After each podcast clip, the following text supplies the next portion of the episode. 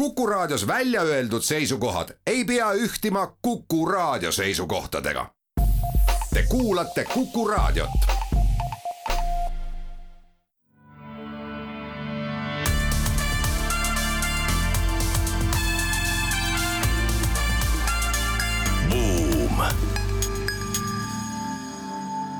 tere päevast, on kahekümne teine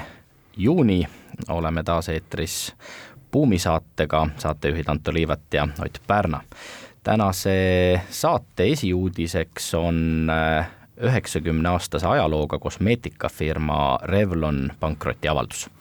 teiseks räägime kuulujuttudest, mille kohaselt maailma suurim spordirõivaste bränd Nike on käivitamas oma kasutatud tossude turuplatsi. räägime ka sellest äh, kiire inflatsiooni ajal äh, küsivad paljud äh, palka juurde, kuidas seda teha ja kui palgatõusu ei saa, mida selle asemel küsida. ja tänaseks saatekülaliseks on meil jaanipäeva eelsele ajale kohaselt Põhjala õllekoja või pruulikoja tegevjuht Ivar Aus.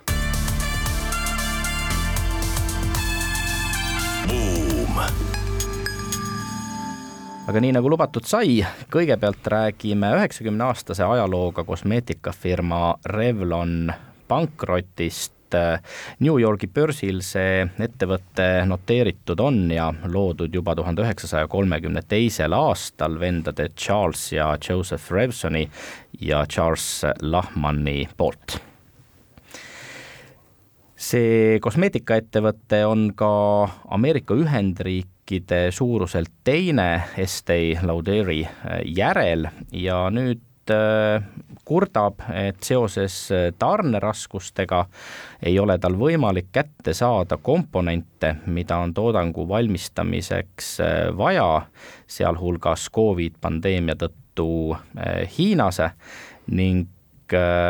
on jooksnud lihtsalt rahast tühjaks aga sellel, et ta on rahast tühjaks jooksnud, on muidugi ka teisi põhjuseid. möödunud aastal oli ettevõtte käive kaks miljardit dollarit, aga laenukoormus peaaegu neli miljardit ja, ja kokku on äh, Revlonil kuus tuhat äh, töötajat samas äh, tuhatkond neist on,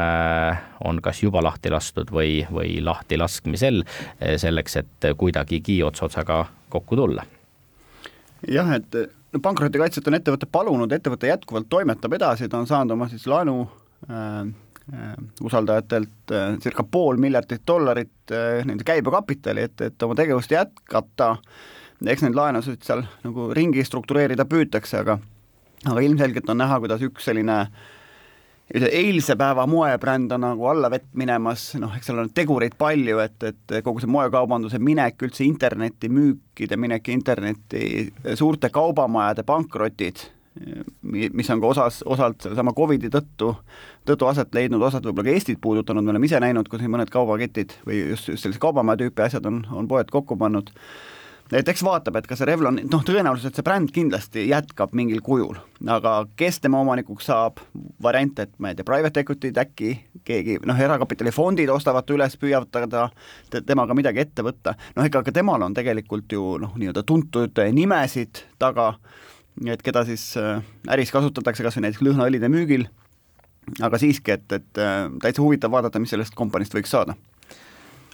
absoluutselt Ähm, ja kui me enne äh, buumi kolmeaastast äh, puhkust äh, rääkisime sellest,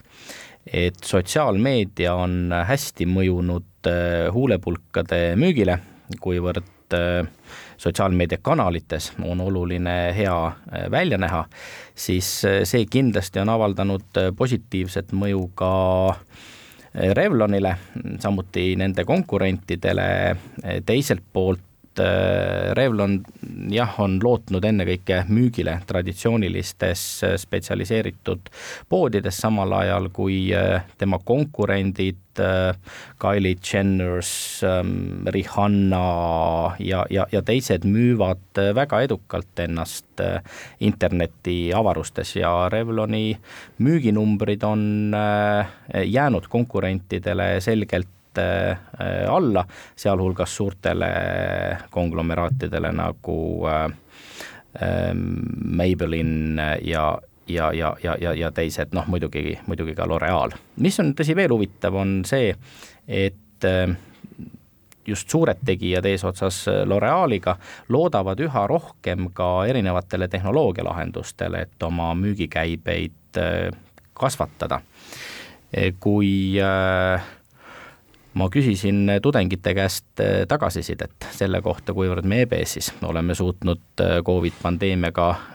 kohaneda ning kuivõrd rahul nad oma õpikogemusega on, siis üldiselt oldi väga rahul. küll aga arvati, et on äärmiselt ebamugav seminarides ja loengutel lülitada sisse kaamerat sest kaamera äh, sisselülitamine segab keskendumist õppejõu räägitule, kuivõrd kogu aeg peab muretsema selle pärast, kuidas sa ekraani peal välja näed ja, ja millised näevad välja sinu äh, kaasõppurid. Äh, ka selle jaoks on nüüd olemas lahendus e-make-up'i kanali näol, tahad Zoomis hea välja näha, ei viitsi või jaksa meiki teha, siis saad endale virtuaalse meigi peale panna jah, et tehiskeskkonnas on alati võimalik endale nagu selline nägu joonistada või, või lasta joonistada ai-l nagu, nagu sa soovid, eks. no selles mõttes on huvitav jah, et maailmas ju keskklass kasvab, eks, et seltskond, kes võiks tahta ennast mukkida või, või lõhnastada, samas teiselt poolt on jah, need tarneahela raskused, et ühe huulepulga sees on teadupärast kolmkümmend viis kuni nelikümmend erinevaid siis eh, koostisainet. ja need kõik siis kätte saada ja see huulepulk kokku saada, eh, tundub, et on probleem noh, avatarile ei ole vaja meiki teha, võib-olla ühel ilusal päeval eh, tulevikus eh, tõesti ka metaversumiga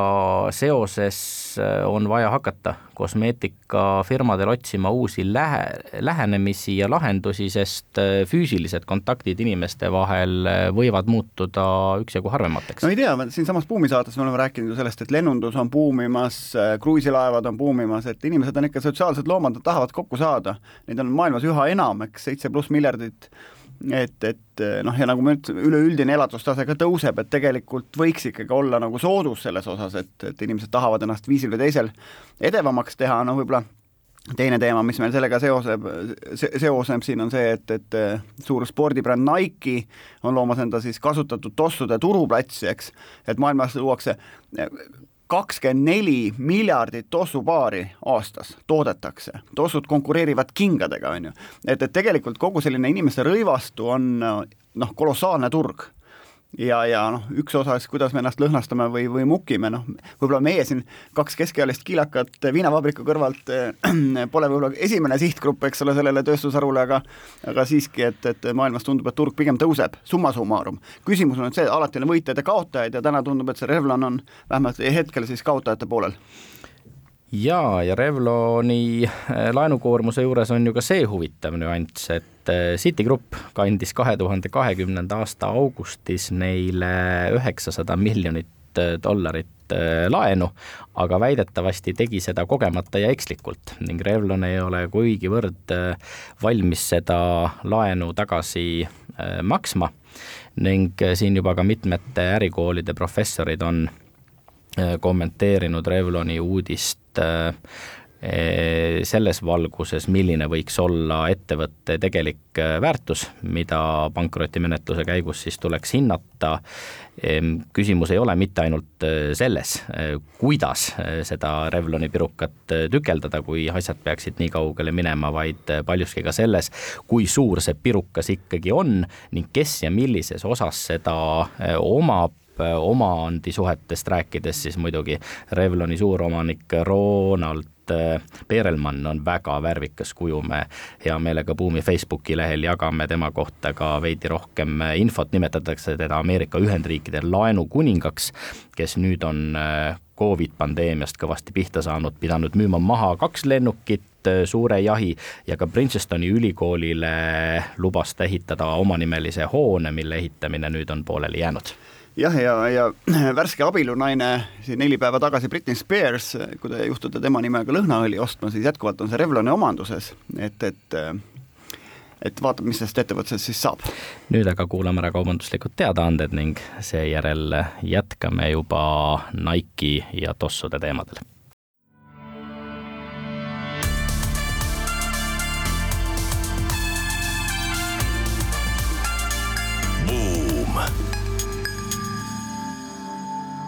oleme tagasi Buumi eetris, saatejuhid Anto Liivet ja Ott Pärna. meie tänane jaanipäeva eelne saade on sisustatud mõnevõrra kergemate uudistega, kui eelmises saateplokis rääkisime ilumaailmast.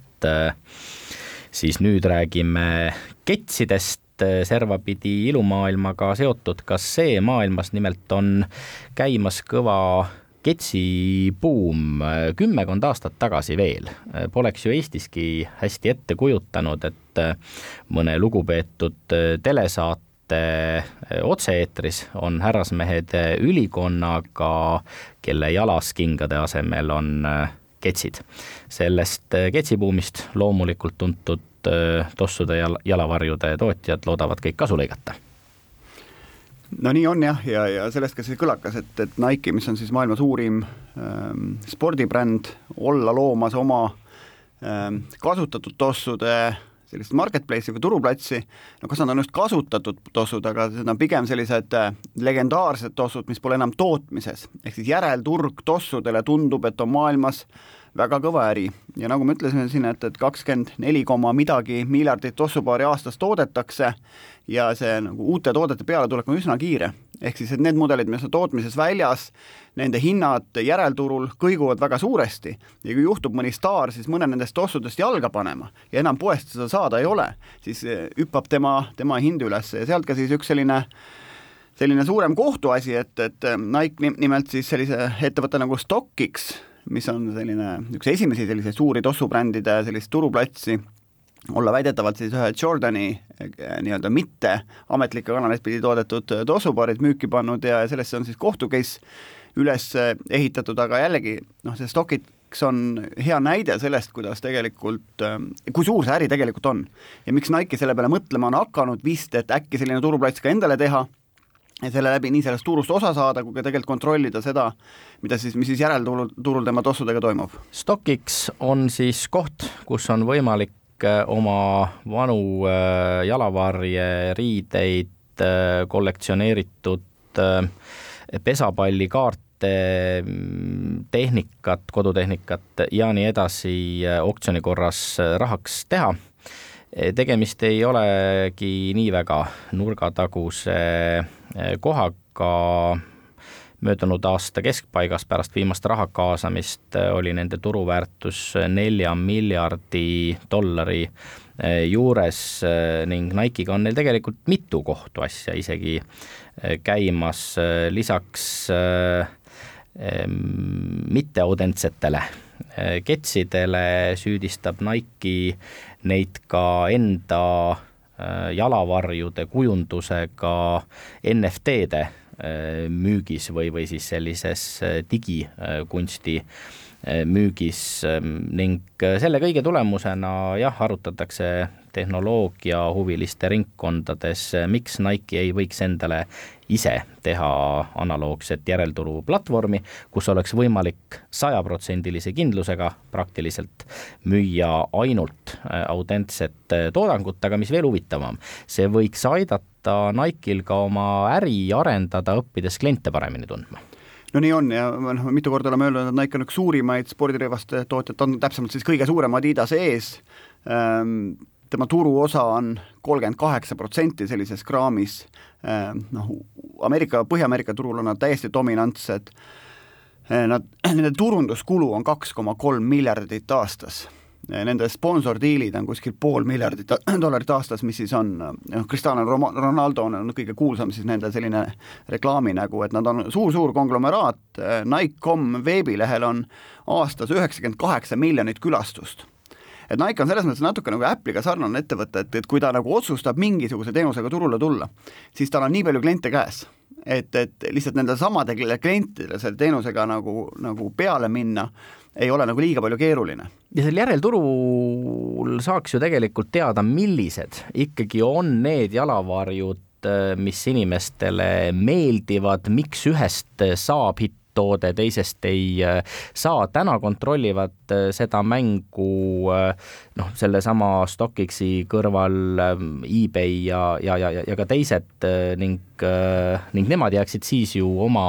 ärist vähemalt osaliselt ilma. no nii on, StockX tegelikult selle taga on noorhärrad, kellel üks on näiteks IBM-i taust ehk siis on, nad tegelikult seda äri alustasidki selle analüütikaga, et nad tegelikult eBay oksjonitel müüdud tossu hindasid analüüsisid algul siis Exceli tabi, tabeli abil ja siis said aru, et millised tossud milliste hindadega kaubaks lähevad. ja tegelikult noh, tundub, et ta on hästi tarbekauba äri, on ju, aga jube andmenikas et kui sa täks, tegelikult tead, millised tossud millistel hindadega, millistes kogustes, millistel turgudel kaubaks lähevad, siis tegelikult nii-öelda noh, heas mõttes seda turgu manipuleerides on võimalik päris kõvasti raha teenida ja näiteks noh, Nike'i puhul on, et Nike'i number üks turg on siis Põhja-Ameerika, number kaks, Anto, tead, mis turg on? Lõuna-Korea. Et, et tegelikult see, see turg on globaalne ja need ilmselt need tarbijamustrid on, on turgudel erinevad ja, ja see, mis on ühel turul võib-olla väga odav kets, võib teisel turul väga kallilt müügiks minna, näiteks kui seal kohalik mõni celebrity on selle tossuga parasjagu mingis TV-show's käinud. aga selleks, et Äh, lubada endale kvaliteetkosmeetikat ja kanda ägedaid äh, ketse, on äh, vaja ka piisavat sissetulekut. Räägimegi nüüd sellest, mida ikkagi teha kui boss palgatõusu küsimisele eitavalt vastama peaks. statistiliselt näitavad väga paljud palgauuringud, et et äh, meil ei ole põhjust eeldada, et igale palgaküsimusele tingimata jaatavalt vastatakse ja seda ei maksa võib-olla ka liiga palju südamesse võtta. olen kuulnud, et paljud töövõtjad äh, palga küsimise peale mõtlevad äh, niimoodi, et nüüd ongi kaks varianti. ma kas saan palgatõusu, mis on signaal selle kohta, et mind hinnatakse ja väärtustatakse, või ma pean olema eitava vastuse korral valmis ettevõttest lahkuma jah, see, see uuring, mille, millele me siin viitame või see artikkel, millele me viitame, tegelikult räägib sellest, et, et, et siis, kui jutt läheb palga peale, et see on selles mõttes pigem hea äh, võimalus, et siis on kaardid laua peal lahti, et siis saab erinevaid asju läbi rääkida. ja, ja see võimalus nii siis töövõtjale kui tööandjale. ja, ja no mis on alternatiivid, et kui tõesti raha, äh, palka tõsta pole võimalik, ma ei tea, eelarve ei luba või, või, või töötulemused ei kanna välja, siis alati võib äh, muid kokkuleppeid teha, näiteks kodus töötamise aega suurendada äh,, noh, kõikvõimalikud optsioonid loomulikult, eks, ametinimetust võib muuta, et mõnel puhul võib-olla tähtsam ametinimetus kompenseerib väiksemat palka, eh, rohkem puhkuseaega või parematel aegadel puhkuseks, igasugused sellised eneseabi nagu finantseerimised, ma mõtlen selles mõttes, et mingid fondid enda koolitamiseks, ümberõpetamiseks no räägitakse ka sellest, et äh, vahendid näiteks kodukontori sisustamiseks või parendamiseks, kuivõrd inimesed töötavad nii palju rohkem kodus, et et selles mõttes vaadake nagu laia silmaringiga ringi, et mida kõike võiks küsida ja mis võiks tegelikult kaudselt aidata kaasa sellele, et teie panus ka sinna ettevõttesse kasvab, olukorras, kus siis ettevõttele teiselt poolt võib-olla otsest rahalist kulu nii palju ei kaasne. ja kindlasti püüdke viisakalt, aga siiski küsida nende põhjuste kohta, miks teile palgatõusu ikkagi ei eh, võimaldata, rahvusvahelised uuringud näitavad, et eh, vähemalt kolmandikul juhtudel inimesele isegi ei põhjendata, miks tema palk ei tõuse ja kui põhjendatakse, siis pea igal teisel korral öeldakse, et palka ei saa tõsta, sest eelarves pole raha. ja siis me jõuamegi ringiga selleni, mida sa, Ott, rääkisid, et küsida saab ju ka muid asju. ja olles ise ka nagu elus tööandja jupp aega ka olnud, on ju, siis üldiselt mulle palju rohkem meeldivad sellised vestlused, kui keegi tuleb, ütleb, et tead, et ma võiks selle ettevõtte või organisatsiooni arengusse seda ja teist nurka pidi rohkem panustada, et kas sa oled valmis ka mulle rohkem maksma. ehk, ehk siis töövõtt on ikka kuidagi selline vastastikune tegevus, on ju, mitte lihtsalt ma ei taha tänase eest rohkem, vaid jah, ma olen valmiski rohkem panustama ja seeläbi siis ka tegelikult rohkem teenida. ehk siis võtke ise ka suuremat rolli omaenda tööandja või firma arendamiselt ja küll te saate siis ka rohkem palka vaadates värskeid teadusartikleid, mis palgateemadel ilmunud on ülikoolides, leidsin ma ühe ülevaate Ühendkuningriigi ülikoolist University of Bath,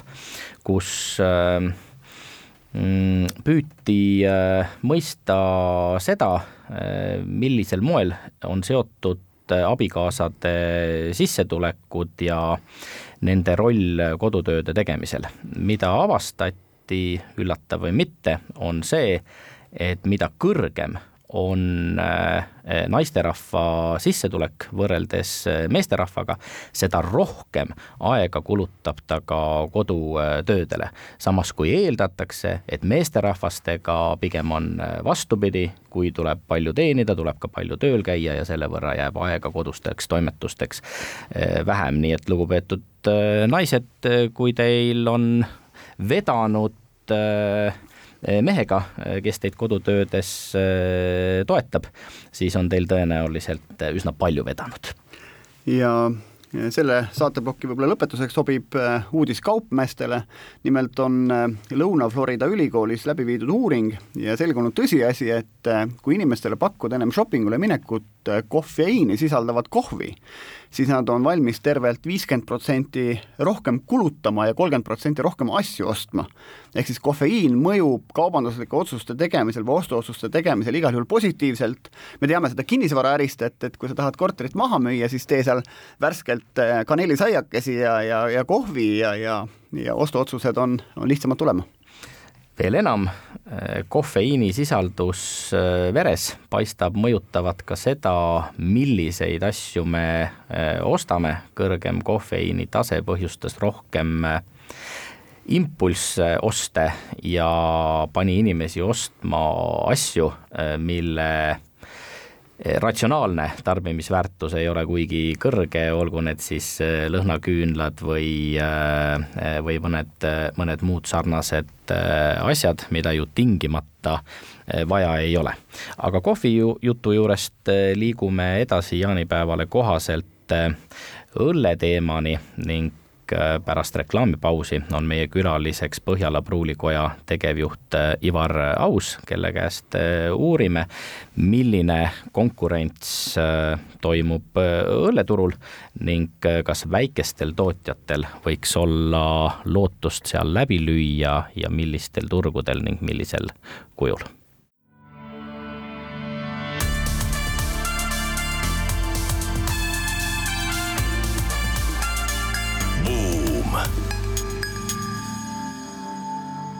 oleme tagasi Buumi eetris, saatejuhid Anto Liivat ja Ott Pärna ning meie tänane saatekülaline on Põhjala Pruulikoja tegevjuht Ivar Aus. tere tulemast, Ivar. ole hea, ava alustuseks mõne sõnaga, milline on Põhjala Pruulikoja ärimudel, millega te tegelete? tervist, äh, Põhjala on põhimõtteliselt nii, nagu öeldaksegi, pruulikoda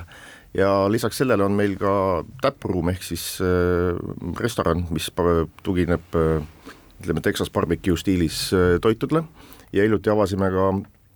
ka õllebaari äh, Telliskivi loomelinnakus, aga noh, meie põhisuund on ikkagi õlle pruulimine äh, ja, ja see, teised tegevused rohkem toetavad seda. mõned head aastad tagasi käis meil Buumi saates ühe Eesti suurema õlletehase juht, kes ütles, et äh, nii-öelda käsitööõllede või väikeste tegijate turuosa Eestis ei peaks kunagi üle paari protsendi jõudma, kui see nii juhtub, toovad nad Äh, oma portfelli samaväärsed asendustooted ja suudavad neid odavama hinnaga müüa. kui suurt osa turust täna väikesed äh, õllevalmistajad omavad ja milles see teie konkurentsieelis äh, ikkagi seisneb? no praegusel hetkel on ta tõesti jah, üksikute protsendipunktide juures, et me oleme seal kuskil ütleme kahe-kolme protsendi juures aga üldiselt maailmas, Euroopas on see turuosa kümme-viisteist protsenti äh, ja ma ei näe mingit põhjust, miks Eesti ajapikku sinna ka ei, ei peaks jõudma. Äh, eelis seisneb selgelt selles, et, et me kasutame tooraineid, mis on selgelt kvaliteetsemad, kallimad ja, ja maitsed, mis on ütleme, ei ole sellised masstoodangu janu kustutamise või, või kilgi pähe saamise maitsed, et, et pigem on selline äh, inimesel, kes äh, hindab kvaliteeti ja, ja võib-olla ei tarbi nii palju, aga tarbib häid asju ja harva no maailmas suures plaanis viis suuremat tootjat kontrollivad umbes poolt äh, turust. Ameerika Ühendriikides äh, regulaatorid on värskelt teada andnud, et nad on te-, mures, sellepärast et kaks suuremat õlletootjat kontrollivad lausa kolme neljandikku võib-olla, aga, aga noh, ametlikult kahte kolmandikku turust on äh, see üldse hea äri, kus, kus olla või, äh, või, või kuidas väikesed ikkagi raha teenivad? no mm, eks ta kindlasti on kaunis keeruline äri selles suhtes, et äh, eriti tänases keskkonnas äh, kuidas me raha teenime, eks ikkagi õlle tootmise ja, ja, ja müümisega, eks ole. aga täna on seis selgelt see, et, et me näeme, et see kasvutempo järjest kiireneb, inimesed tõesti lähevad selles suunas, et, et paljud äh, ei taha tarbida sedasama toodet, mida on kunagi joonud äh, isa või vanaisa, eks ole, inimeste maitsemeeled äh, arenevad ja, ja meie ütleme, kasv on kaunis muljetavaldav olnud. ja mille arvelt te siis kasvate? no eks me ikka nende masstoodangu arvelt kasvame, et, et äh, paljud inimesed leiavad tee käsitööõlle juurde, eks, eks käsitööõlu on kvaliteedilt on ka kõvasti paranenud, ehk siis inimesed kunagi maitsesid mingit käsitööõlut, mis oli selline eksper-, eksperimentaaltoode põhimõtteliselt, täna ütleme, õlletootjad on läinud tagasi selliste äh, baasmaitsete juurde. Ehk siis äh, head humalad, head linnased, vesi, värm, see kõik on see, mis, mis on jälle au sees, neid imelikke maitseid enam nii palju ei lisata. Ja täna võib selgelt öelda seda, et, et need inimesed, kes äh, saavad, ütleme, õige õlle kätte, ehk siis mis ei ole selline väga võõrastava maitsega ja neid selliseid õllesid turul tuleb päris palju, need üldjuhul tagasi ei lähe, ehk selle masstoodangu juurde. maailma kõige suurem õlleturg on äh, Hiina, kas ka teie sinnapoole vaatate ja, ja millistele turgudele te ekspordite? Äh, Põhjala üks suur uhkus ongi see, et, et me oleme Eesti suurim õlleeksportija, kes põhineb Eesti kapitalil ehk siis me seitsekümmend protsenti põhimõtteliselt meie toodangust läheb välismaale, äh, kaasa arvatud ka Hiina ja Hiina on kaunis suur ja tähtis turg meie jaoks, nelikümmend eksporditurgu, aga suurimad nendest on, ütleme, Holland, Soome, Prantsusmaa ja siis Ühendkuningriik Anto rääkis siin suurte õlletootjate turuosast, aga kuidas nende väikeste puhul on, et, et milline seal konkurents on, kui te siin Hiina müüte, et, et teie versus ma ei tea, Hollandi või, või, või Taani või Saksa väiketootjad? ei, eks Hiina turg on suur, eks ju, et, et ja ta on kiiresti kasvav, tarbijaskond on ka kiiresti arenev, et, et seal on ruumi kõigile. Kui bränditundlikud on need ostjad? no võtta mingeid riike, ma ei tea, kas Saksamaa õlle ajalugu aitab kuidagi kaasa neile versus äh, meie müük? eks see käsitööõllede teema on selline, ütleme, väga tugevalt äh, praegu veel äh, fanaatikute teema. ehk siis kui me vaatame näiteks, meil toimus eelmine nädal, toimus Tallinn Craft Beer Weekend, kus oli pea kolm tuhat külalist, mis oli Baltikumi suurim, seal oli kakssada erinevat õlut viiekümnelt pruulikojalt, et seda noh, seda fanatismi on, eks ju, inimesed tahavad proovida, seal on uued stiilid, seal on paljuski ma vahel isegi võrdlen äh, käsitööõlut mõnes mõttes äh, väärtveiniga, et, et noh, me laagerdame ka ju tammevaatides, eks ole, Eestis olime selles mõttes ühed teerajajatest, et äh, seda turgu on seal, seal on palju avastada ja, ja inimestel on soovi seda avastada. Kui me vaatame neid suuri õlletööstureid, ka nemad püüavad ikkagi kohaneda, me näeme tõesti trendi, et väikeseid pruulikodasid tekib Äh, erinevates äh, riikides, sealhulgas suurtel turgudel äh, üksjagu juurde, aga Heineken näiteks andis teada, et ta plaanib kulutada kümneid ja kümneid miljoneid eurosid selleks, et renoveerida, kaasajastada oma Ühendkuningriikides asuvad pubid, sest nad on oma tänase kontseptsiooni ja sisustusega ajale jalgu jäänud et eh, mida selline eh, käik endast siis kujutada võiks, miks nad seda teevad ja, ja noh, ka teie olete õllerestorani ju äh, avanud, kas me võiks oodata see samasuguste või, või mingil määral sarnase kontseptsiooniga kohtade avamist ka suurtelt tootjatelt? Mm, ei oska arvata, kas nad nüüd seda teed lähevad, ma usun, et võib-olla seal tarbijal ei ole seal nii palju enda jaoks avastada sellise, sellisel, sellisel pubil. Aga miks seda tehakse, eks kõik üritavad ajaga kaasas käia, eks tarbijaskond on ka natukene teistsugune, nagu ma mainisin, neid ei soovita võib-olla isa moodi õlut tarbida, õllestiilid on muutunud, eks käiakse ajaga kaasas, et. Õllestiilide muutusest rääkides, millised äh, õlletüübid on äh, muutunud äh, varasemast populaarsemaks või mis vahekorras erinevat tüüpi õlut tarbitakse? no eks Eestis on selgelt äh, tüübi järgi on see laager ja, ja pilsneri õlu on kõige populaarsem, seda muidugi eeskätt see, et, et, masstootjad seda kõige rohkem kultiveerivad, aga kui me vaatame nüüd nagu kategooriate dünaamikat, siis noh, äh, me oleme küll tuntud oma vaadi laagerdatud õlle, õllede poolest, aga see on kaunis väike osa meie toodangust, äh, et kõige suurem, meil eelmine aasta tulime turule Põhjala laagriga, mis on tänaseks väga lühikese ajaga saanud meil number üks õlleks. Ehk siis äh, Eesti suunal äh, on selgelt, see on tarbijale kõige lihtsamini arusaadav ja, ja nad leiavad selle maitse-eelise sellest õllest, aga väga kiirelt kasvavad äh, enne, kui enne oli IPA-de trend, siis praegu on koosed ehk hapuõlled on, on läinud väga kõvasse kasvu, et, et äh, see on selgelt välja joonistuv aga selle laagritüüpi õllega te siis ikkagi äh, lõpuks ometi lõpuks hakkasite ometi, tegema jah. õlut, mida inimesed tahavad juua ja lõpetasite selle vastuvoolu ujumise ära, jah? ei no eks me vastuvoolu ujume ikka edasi, me ikkagi näeme ennast mingil määral selle õllekultuuri ütleme, teerajana ka Eestis aga me näeme seda, noh, näeme, nii on ka välja tulnud, et see laagrielu on siis täpselt see, mis võimaldab sellel masstoodangu tarbijal leida tee siis käsitööõllede juurde ja sealt juba siis hakkavad avanema erinevad maitsed ja mõned päevad tagasi ma kuulsin peapiiskop Urmas Viilmad kõnelemas sellest, et Eestis on hästi palju kirikuid ja regionaalsed kirikud veel nende kogu, kogudused on nii väikeseks jäänud, et mis nendega pihta hakata. no ma olen omal ajal Inglismaal jupp aega elanud ja seal on küll kirikutest pubisid tehtud mm. -hmm. et mhm. millal me Eestis sinnamaani jõuame, et esimesest kirikust pubi tehakse? Vot ma nüüd sel teemal ei tahaks väga äh, tugevalt sõna võtta, minu kaks enda sugulast on äh, tuntud kirikutegelased Eestis, äkki nad solvuvad, aga, aga ma usun, et meil on pubide jaoks äh, ruumi küll, aga kui kuskil see võimalus avaneb, ma ei, ma ei näe üldse põhjust, miks see nii võiks olla, arvestades veel seda, et Eesti on kaunis ateistlik riik. mõned aastad tagasi tõi CNN välja Tallinna kui ühe kihvtima Euroopa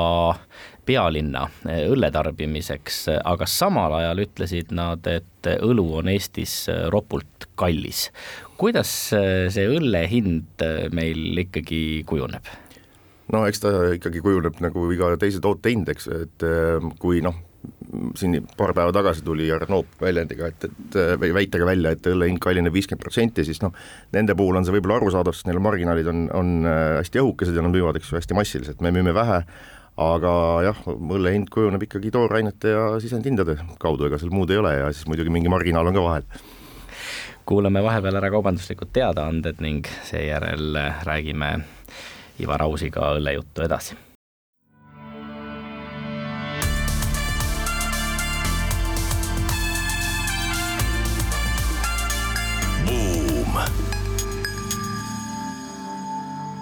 oleme tagasi Buumi eetris, saatejuhid Anto Liivet ja Ott Pärna. meie tänane saatekülaline on Põhjala Pruulikoja tegevjuht Ivar Aus, kellega räägime õllejuttu ja kui eelmises saateplokis äh, pigem avasime õlletööstuse suurt pilti, siis nüüd keskendume veidi rohkem Pruulikoja juhtimise temaatikale. Eestis pruulikoda, mis ei ekspordi, ei ole vist küll mõtet teha, olen ma õigesti aru saanud no kui see pruulikoda on, ütleme, niisugune hüperlokaalne, siis võib-olla on, et tõesti väiksed mahud ja ütleme, ühe linna või, või valla jaoks tootmine, siis võib-olla niisugune hobi korras on see mõeldav, jah. aga teie investorid on ju pigem tehnoloogiaärimehed, milliste ootuste või ambitsioonidega Põhjala pruulikoda sündinud on ja, ja kus te näiteks peaksite võrreldes tänasega kolme aasta pärast olema? No eks ootused olid noh, õllekoda sai loodud ikkagi või pruulikoda sai loodud selle tõttu, et et ütleme, kolmel inimesel oli selline tugev huvi ja fanatism, et eks ta ikka armastusest õlle vastu on sündinud. see kasv on olnud päris kiire ja pöörane, kümme aastat olnud vöö vahel, et, et kus me peaksime kolme aasta pärast olema, võib öelda, et Covidi aastad mõjusid selgelt äh, niimoodi, kaks aastat jäi sisuliselt vahele meile, et, et äh, kaks tuhat kakskümmend oli väga raske aasta, kaks tuhat kakskümmend üks jõudsime tagasi, ütleme, Covidi-eelsele tasemele, nüüd on meil jälle uued teatavad probleemid, eks ju, tekkinud et, et jah. no aga alkoholi samas ju tarvitati Covidi ajal küll, lihtsalt ja, tarvitati kodus. jaa, aga lihtsalt äh, see probleem on meie puhul, just väiketootjate puhul eriti, on selles, et äh, kui suured müüvad kettides äh, oma toodangu üheksakümne viie protsendi ulatuses, siis meie ütleme, suures osas müüme siiski kas väikepoodides või siis enamasti horekas, ehk siis restoranid, kohvikud, ja kuna need olid suletud ja eksporditurud olid suletud kõikidel turgudel ja meil seitsekümmend protsenti on eksport, siis see mõjutas meid väga tugevalt kui kiiresti ja kui palju te siis ikkagi kasvanud olete ja kuidas te seda kasvu olete finantseerinud? Mm, kasv on sisuliselt olnud kuskil tempoga, kui jälle Covidi aastad välja jätta, kolmkümmend protsenti aastas, praegu on ta veel kiirem ja eks meil on jah, nagu ütlesid, meil on head investorid, me ei ole väljast raha kaasanud, äh, meil see investorite ring on kaunis kitsas, aga nad on, ütleme, optimistlikud ja usuvad meie tegemistesse ja noh, kuna kasv on pidevalt olnud ka, me oleme ka oma õlle kvaliteedi selles suhtes äh, tõestanud, et meil on kvaliteetne õlu, kuna nagu ma ütlesin, me Eesti äh, suurim õlle eksportija, mis on Eesti kapitalil põhinev, ja samas oleme neli aastat olnud ka Ratebeeri andmetel saja parema õlletootja seas maailmas, ehk siis kui ma õigesti mäletan, siis eelmine aasta on viiekümne viiendal kohal maailmas õlletootjate hulgast, nii et, et see on ka mingisugune kvaliteedinäitaja. kui teie omanike seas on tehnoloogiaärimehi, siis kes on teie töötajad? Kuidas see mees, meeskond on kokku pandud ja, ja palju teil on meeskonna, ma ei tea, turnover, palju uusi tuleb, palju ära läheb? selge, töötajad üldiselt on meil noh, kaunis erinevast valdkonnast, kuna meil on restoran, siis suur osa töötajaid on, on restoraniga seotud ja baariga, siis Põhjakonna baar. Aga üldiselt on sellised õllefanaatikud, kes ja tavalised müügiinimesed, aga inimeste rotatsioon on väga väike, sest ma olen nüüd aasta ettevõttes olnud, põhimõtteliselt paar inimest on vahetunud, me oleme rohkem inimesi juurde palganud, kuna äri on praegu kasvavas tempos liigub, nii et, et jah, sellised rahvusvahelisi turge tundvad inimesed, on õllepruulimist tundvad inimesed, ehk oma ala spetsialistid samamoodi nagu nagu kõiges muus, et aga, aga just õllepruulijate puhul on tähtis selline, ütleme, know-how ja ja kirg selle, selle töö vastu, sest ega see lihtne ei ole. no samas ilma ärijuhtimise kompetentsita ka ei saa, me oleme näinud üksjagu palju pisikesi pruulikodasid, kus asutajad on samuti suured õllefännid aga see veel ei võimalda läbi lüüa võõrastel turgudel. no võib-olla meil Põhjala üks edu ongi see, et, et isegi meie asutajad on äh, olnud sellised, kes on ka õllefännid, aga väga tugeva ütleme, majandustaustaga inimesed, et, et see on kindlasti aidanud ja noh, üks põhjus võib-olla ongi see, miks mind ka kaasati, et, et võib-olla seda ütleme ähm, rahvusvahelist kuidagi know-how'd kaasa panna, sest ma olen ka erinevatel turgudel töötanud aastate jooksul ja, ja erinevates alkoholikontsernides. Mu taust on olnud alates ütleme sigarettidest, veinist kuni kange alkoholini, et miks ma ka Põhjalaga liitusin, oli see, et, et kuna noh, ütleme vein ja, ja kange alkohol on läbi käidud, õlu oli ka see, kus ma ise sain midagi uut juurde õppida, et, et kõik alkohol ei ole päris ühesugune, selle müümine ei ole päris ühesugune. no maailmas suures plaanis alkoholiturg äh, on pigem stabiliseerunud, kui mitte ühes koma teises kohas isegi langev turg, kuidas selles äris ikkagi jala ukse vahele saab? kas me räägime õlle aspektist või üldse alkoholist? no nii ja naa. okei okay., äh, no üldiselt ikka trend on selles suunas, mida meie ise ka nagu kultiveerime, on see, et, et äh, juua kvaliteetsemat äh, ja inimesed on hakanud teadlikumad olema oma tervise osas, eks ju, et nad joovad võib-olla vähem, aga joovad tõesti kvaliteetseid tooteid, tuntud brände, on nõus selle eest rohkem maksma ja see on see suund, mis, mis nagu praegu domineerib ja ma siin aeg-ajalt käin linnamaratonidel, et kui vanem oli maratoni lõpus pakuti nagu päris õlu, siis nüüd on meil alkovaba õlu mm. -hmm. et kuidas selle alkovaba õlle ja käsitööõlle seossuhe on? Äh, käsitööõlle tootjad pea kõik teevad mingit alkovaba varianti äh, või ütleme noh, ütleme keskmisest äh, suurema või tugevama portfelliga tootjad, see on tõusev trend ja, ja ühtib sellesama teemaga, mida ma just äh, mainisin, et, et äh, kindlasti on see ja järjest rohkem tuleb selle kohta ütleme, päringuid ka välisturgudelt, et, et soovitakse saada käsitööõlut, mis on alkoholivaba, kuna seal on seda, noh, tavaliselt tekib see ju see mure, et, et alkoholivaba õllel ei ole seda õlle Ehm, meie nagu näeme, et masstoodangu õllel ei ole väga seda õlle maitset ja kui see masstoodangu õlu on alkoholivaba, siis seal ei ole üldse mingit maitset, eks see on paljude tarbijate seisukoht. Ehm, aga noh, eks need, eks, eks neil ka kvaliteet paraneb ja, ja, ja ma nagu näen, et, et kui võtta nüüd käsitööõllel alkohol, alkoholivaba käsitööõlu, siis seal juba by default on rohkem maitset sees. Kas mõni äh, teine naps või äh, jook võiks äh, õllele saada tulevikus äh, ka ohtlikuks või, või pakub täna tõsist konkurentsi, noh räägitakse näiteks roosade veinide buumist. roosade veinide buum on olnud aastaid, ma vahepeal ta kadus täiesti ära, ta tuleb niimoodi suvega tagasi, aga ma absoluutselt mitte mingit nagu ohtu seal ei näe, sellepärast et just see õllede valik on nii palju laienev, me näeme väga tihti seda, et tuleb meil näiteks restorani naisterahvas, ütleb, et tema õlut ei joo, tema joob veini, siis me tegelikult leiame pea alati sinna just need haputõlled, miks nad kasvavad, ongi just selle trendi tõttu, nüüd minu arvates on see trend pigem vastupidine. No üks trend, mida me siin oleme ka näinud, on, et iga lugupeetud kodanik, kes siis mingi, mingist kohast on natuke raha teeninud, teeb siis oma väikse õllepruulikoja või, või siidrikoja. et, et mis sa sellistele meestele, naistele soovitada oskad ja kui, kui kolgata tee see on ühe õllevabriku ehitamine? noh, eks eks kui see on selline, ütleme, hobi või siis, siis muidugi, kui see on äriprojekt, siis peab ikka kõvasti seda tahet olema, et tänases keskkonnas, arvestades seda, et Eesti on üldse kindlasti Euroopas, võib-olla ka maailmas üks kõige rohkem pruulikodasid inimese kohta olev, olev riik, siis jah, nagu ma ütlesin, lokaalselt on see võib-olla võimalik tänases keskkonnas, kus need sisendhinnad ja on niisuguse pöörase tempoga kasvavad ja ütleme, on kaunis ebaselge, kuhu, kus nad siis nagu lõpuks maanduvad ja ei ole saada ka, ütleme, mõningaid asju lihtsalt ei ole saada, ehk siis suuremad ostavad mingisugused asjad eest ära, siis äh, on see väga riskantne ettevõtmine, peab tahtmist kõvasti olema. no ühed teie suured konkurendid on suured õlletootjad, et kuivõrd Eesti väiketootjad omavahel koostööd teevad, kas siis eksporditurgudel või kohalikele suurtele ärategemisel? Ehm, ausalt öeldes isegi ei, näegi neid, ütleme, niisuguse suure konkurendina, see on suur turg, kus saab, ütleme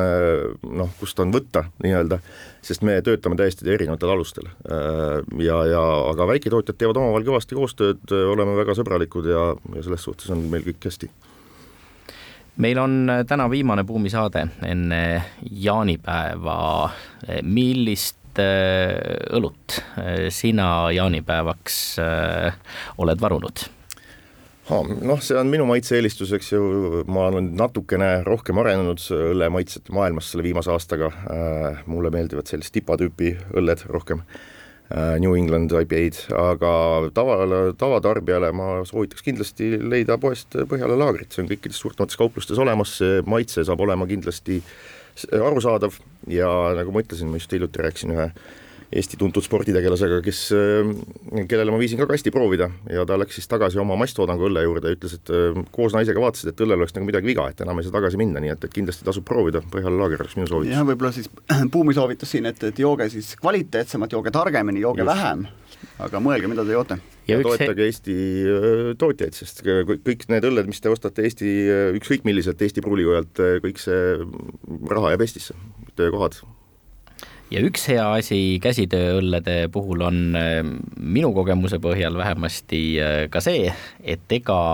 paljusid neist väga palju juua ei äh, kannatagi, kui siis pigem, pigem maitse pärast ja, ja, ja maitsenaudingu mõttes. Aitäh, Ivar Aus, meile saatekülaliseks tulemast, Buumiga oleme eetris taas nädala pärast, kahekümne üheksandal juunil pärast jaanipäeva, siis juba uued teemad ja uued külalised. seniks aga kuulmiseni